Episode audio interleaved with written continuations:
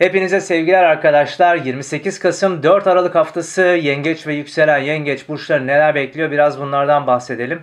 Arkadaşlar hatırlarsanız geçtiğimiz hafta yay burcunda bir yeni ay yaşadık ve bu yeni ayı konuşurken de dedik ki özellikle iş yeriniz, beraber çalıştığınız kişilerle birlikte ortaya koyacağınız iş ve performans belki yurt dışı bağlantılı bir takım ortaklık fırsatları gündeme gelebilir.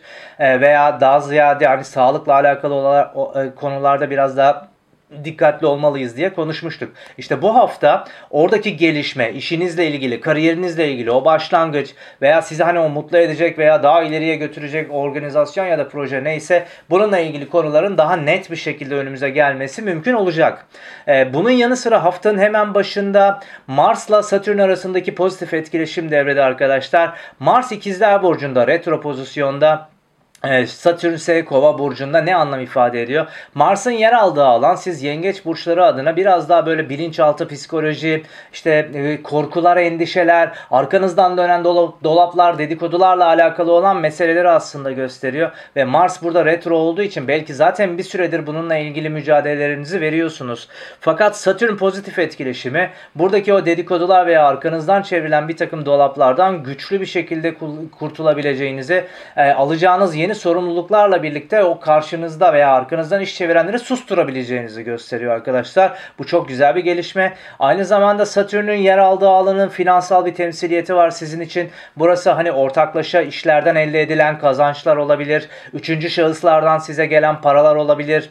E, miras nafaka gündemleri olabilir. Belki krediyle alakalı vergisel alacaklarınızla ilgili olan konular olabilir. Hani o krizi, o finansal anlamda rahatsız eden ve aynı zamanda arkanızdan dönen dolapları iki türlü bertaraf edebileceğiniz bir süreç aslında bu hafta içerisinde söz konusu. Hafta içerisinde aynı zamanda Merkür ve Venüs'ün de Satürn'e destek e, açıları var. İşte Merkür, Venüs ikisi de yay burcunda yani iş yeriniz ve birlikte çalıştığınız kişileri simgeleyen alanda. Burada hani kuracağınız e, iletişim, e, fikir ve düşüncelerinizi ifade etme şekliniz veya yetenek ve becerilerinizi etkili bir şekilde ortaya koyma e, yeteneğiniz aslında buradaki o konuyu orada sizin arkanızda olan, arkanızdan iş çevirenleri bertaraf edebilmek konusunu e, biraz daha hızlandırıyor. Ondan daha rahat kurtulmanızı sağlıyor aslına bakarsanız. Bu işte işle ilgili alacağınız yeni sorumluluk da olabilir. Belki finansal temsiliyeti olan bir konu da olabilir. Buradaki o sorumlulukların üstesinden gelerek o hani bütün düşman veya arkanızdan iş çevirenleri böyle bir anda bertaraf edip yıkabileceğiniz bir güç söz konusu bu hafta. Destek söz konusu bu hafta. Diğer taraftan tabii ki bir yandan bu destekler varken unutmamak gerekiyor.